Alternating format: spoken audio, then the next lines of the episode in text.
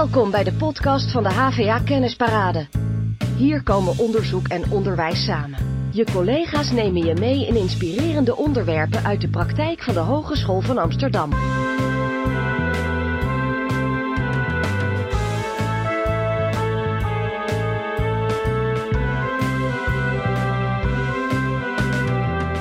Via studievoorschotmiddelen proberen wij, docenten verpleegkundigen van de projectgroep Intensieve Studiebegeleiding, vermijdbare studievertraging te voorkomen en studiesucces te bevorderen. We gebruiken hier onder andere de kracht van peercontact. Dit doen we aan het begin van de studie door tweedejaarsstudenten als peerbegeleiders in te zetten voor eerstejaarsstudenten. De peerbegeleiders worden door een docent getraind en gecoacht en zij begeleiden vervolgens in een aantal gesprekken de eerstejaars in hun studievaardigheden.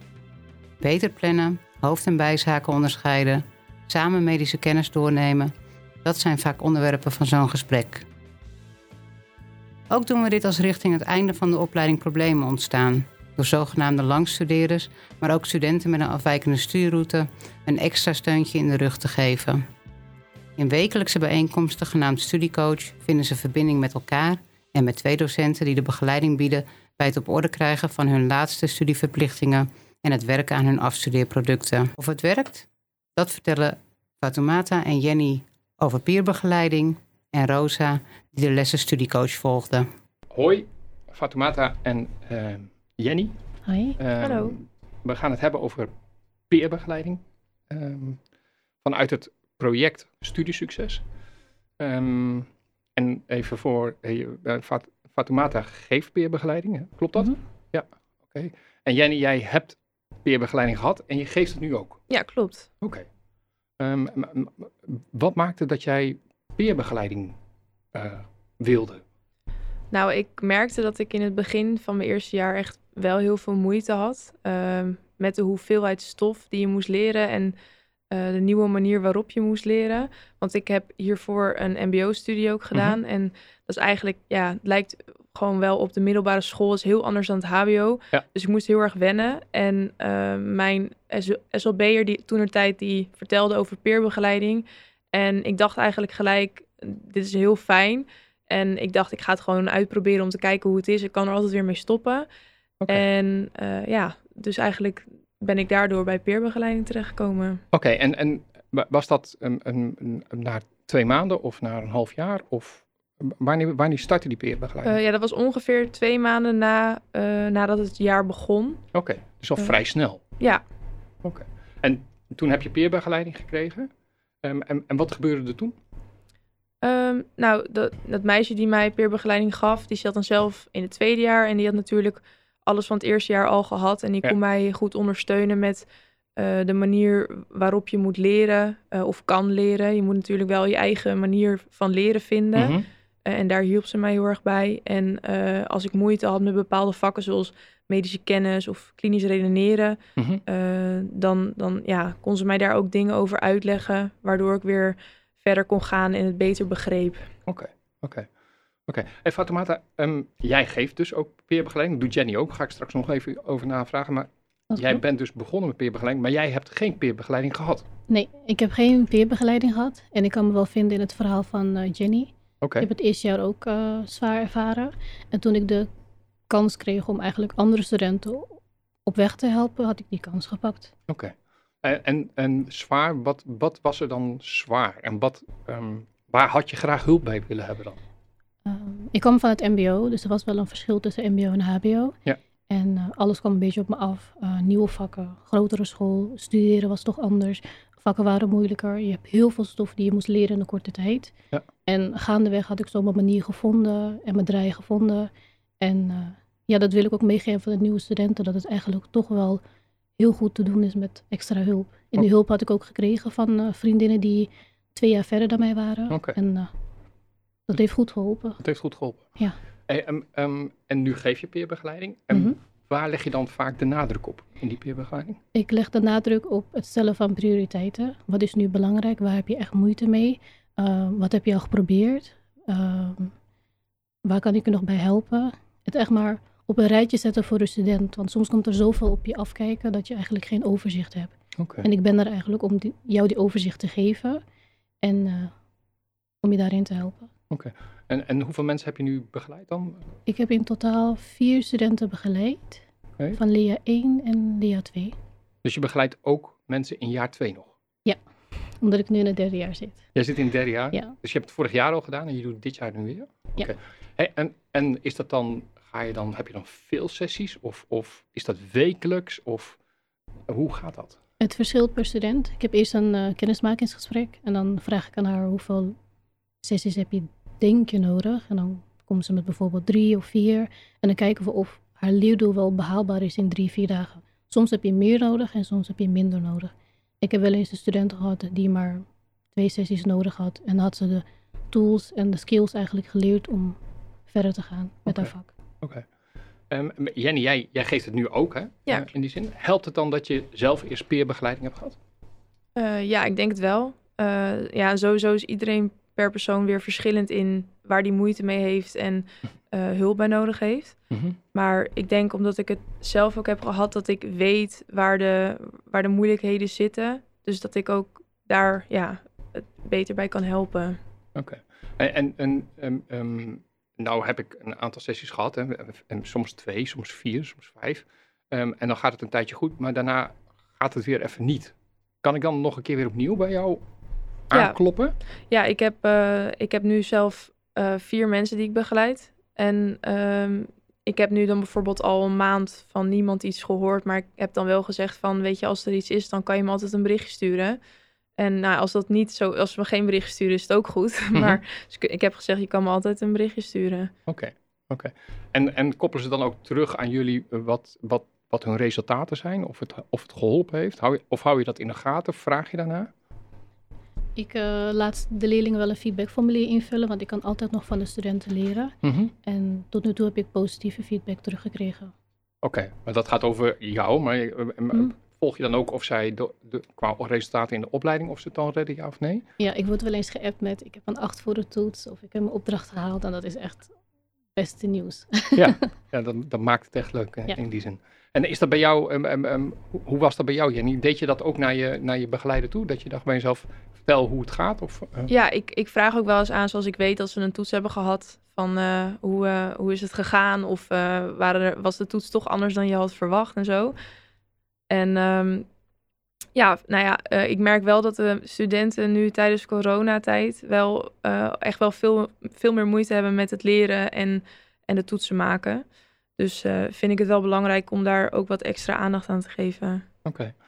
Even, ehm, ehm, nou hebben jij peerbegeleiding genomen in die zin. Wat zeiden jouw medestudenten daarover? Je klasgenoten toen je dat vertelde dat je dat deed?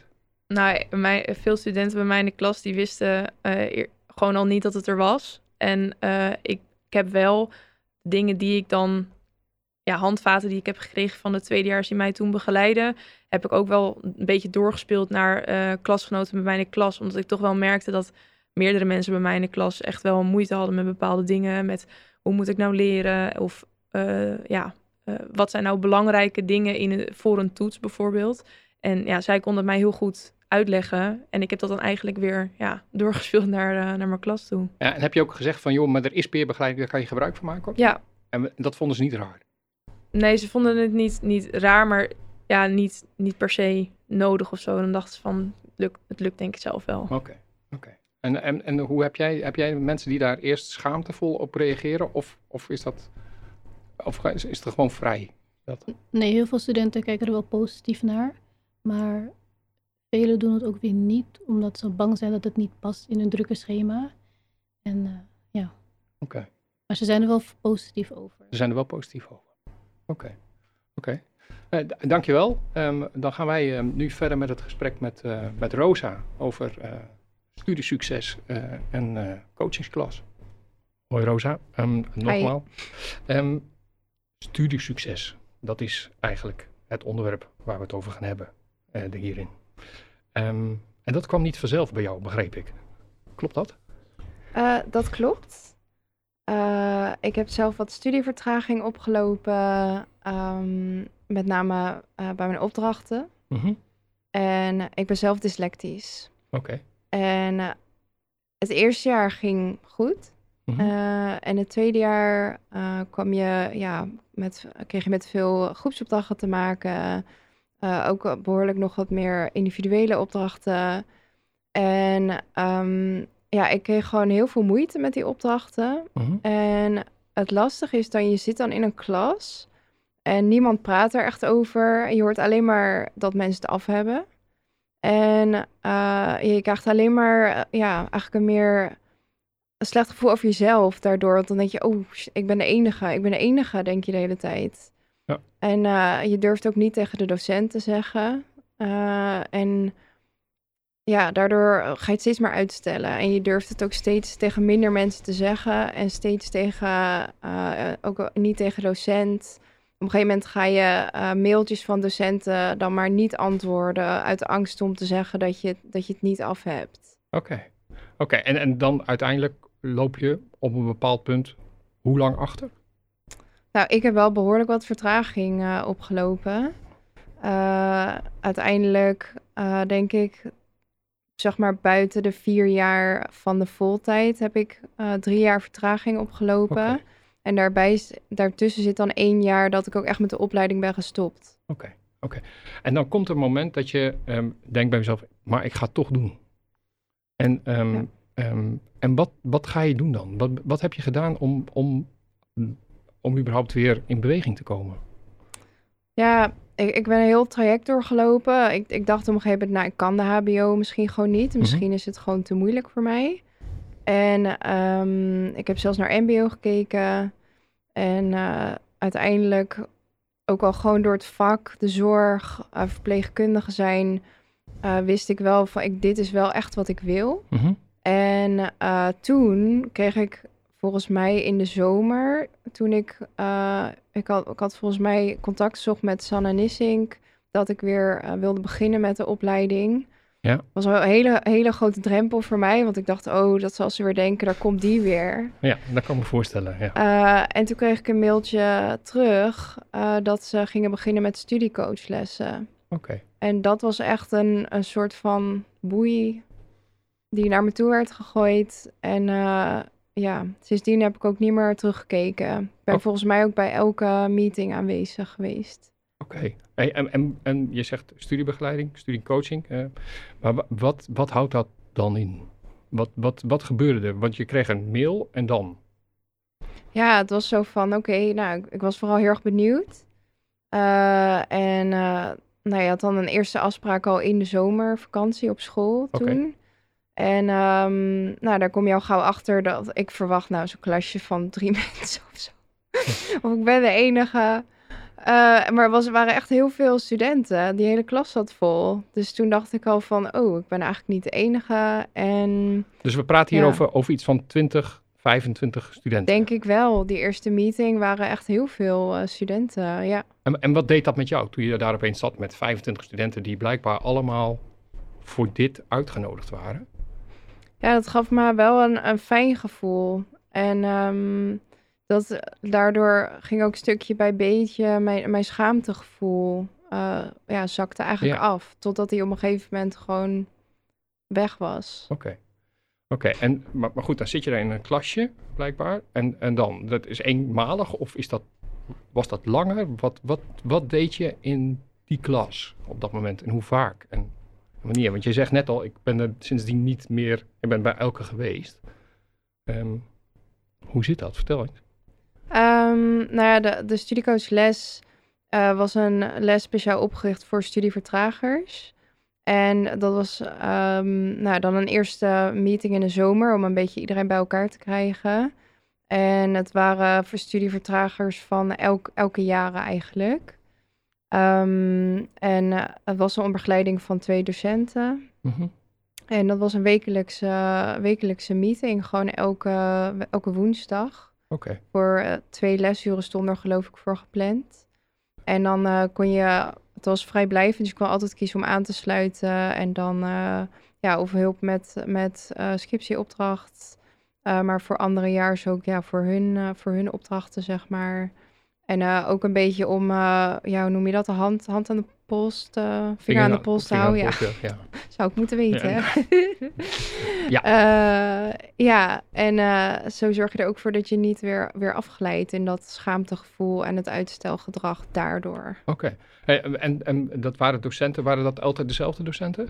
Uh, ja, dat waren Elsbeth en, uh, en Ria. Altijd, ja. Elsbeth en Ria. Ja. Dus elke uh, woensdag daarheen. En je komt daar dus niet alleen van je eigen jaar tegen, maar dat begint dus ook al eerder. voor mij ja, was het dan voor het vierde jaar, zeg maar, Ja. terugkijkend. Ja. Maar ja, voor de rest was ja, die, die wa- gezocht, zeg maar, door de Oké. coördinator. En ehm, ehm, ehm, wat, heb je, wat, heb je, wat is het belangrijkste wat je daar, wat je daar, meege, wat je daar geleerd hebt eigenlijk? Wat je, daar, wat je meeneemt vanuit dat? Eh, ja, om vooral gewoon eh, op tijd hulp te zoeken en aan te geven waar je mee zit. Oké. Eh, want het was voor mij een hele, een hele wereld ging open toen ik erachter kwam dat, dat mensen je ook eigenlijk wel willen helpen als jij gewoon aangeeft wat je nodig hebt en, en waar je tegenaan loopt. Ja. En ehm, ja, dat, dat was een heel, ja, dat, dat wist ik niet. Ik dacht altijd van, ze gaan alleen voor de studenten die het op tijd af hebben. En de anderen, die vinden ze allemaal, ja, die, daar hebben ze zoiets van, die zoeken het zelf maar uit. En die kwamen dus nu achter dat de HVA met dit project eh, en dan de opleiding verpleegkunde zegt: wij willen jou helpen en kom maar en ehm, we staan open voor al je vragen eh, daarin. Was Ja. dat ook zo? Kon ja, je- zeker. Ja, daar, daar kwam ik echt heel erg achter. En ook een heel groot deel was eh, ja, de meestudenten. Dat je gewoon met elkaar... eh, er waren meerdere studievertragers eh, die hun scriptie nog moesten maken. Dus uiteindelijk heb ik ook heel veel eh, met hun samengewerkt. Dus de herkenning en het met elkaar samenwerken, ergens weer bij horen, is ook iets wat, wat, wat je dat heeft opgeleverd en wat belangrijk is. Dus. Ja, zeker. Ja, heeft heel veel opgeleverd voor mij. Ja. Oké. Wat zou je in dit project nog meer kunnen ontwikkelen? Wat, wat heb je, je hebt heel veel gehad. En je hebt herkenning gehad, je hebt hulp gehad, je kon met je vragen terecht. Je kreeg een stukje overzicht, denk ik. Ehm, wat zou je, waar zouden wij nog meer iets in kunnen doen? Eigenlijk vond ik het, hoe, hoe de opzet was, vond, vond ik het heel, eh, vond ik het voldoende. Want je had ruim voldoende tijd eh, tijdens elke meeting. En eh, er was goede begeleiding. Er was bij ons meestal wel tijd voor iedereen. Ehm, dus ja, van, van mijn eh, blik uit is er eigenlijk niet... eh, ja, ik, ik vond het voldoende hoe de opzet eh, is. Maar dat is misschien persoonlijk. Oké. Nou, mooi om te horen. Dankjewel in ieder geval. Fijn, Dankjewel geen voor je verhaal. dankjewel. Geïnspireerd geraakt? Wil je dit ook bij jouw opleiding? Of ben je geïnteresseerd in onze andere activiteiten voor studiesucces? Check de link naar onze SWE op de website van de Kennisparade. Vind je deze podcast interessant? Check ook de andere podcasts uit de HVA Kennisparade serie.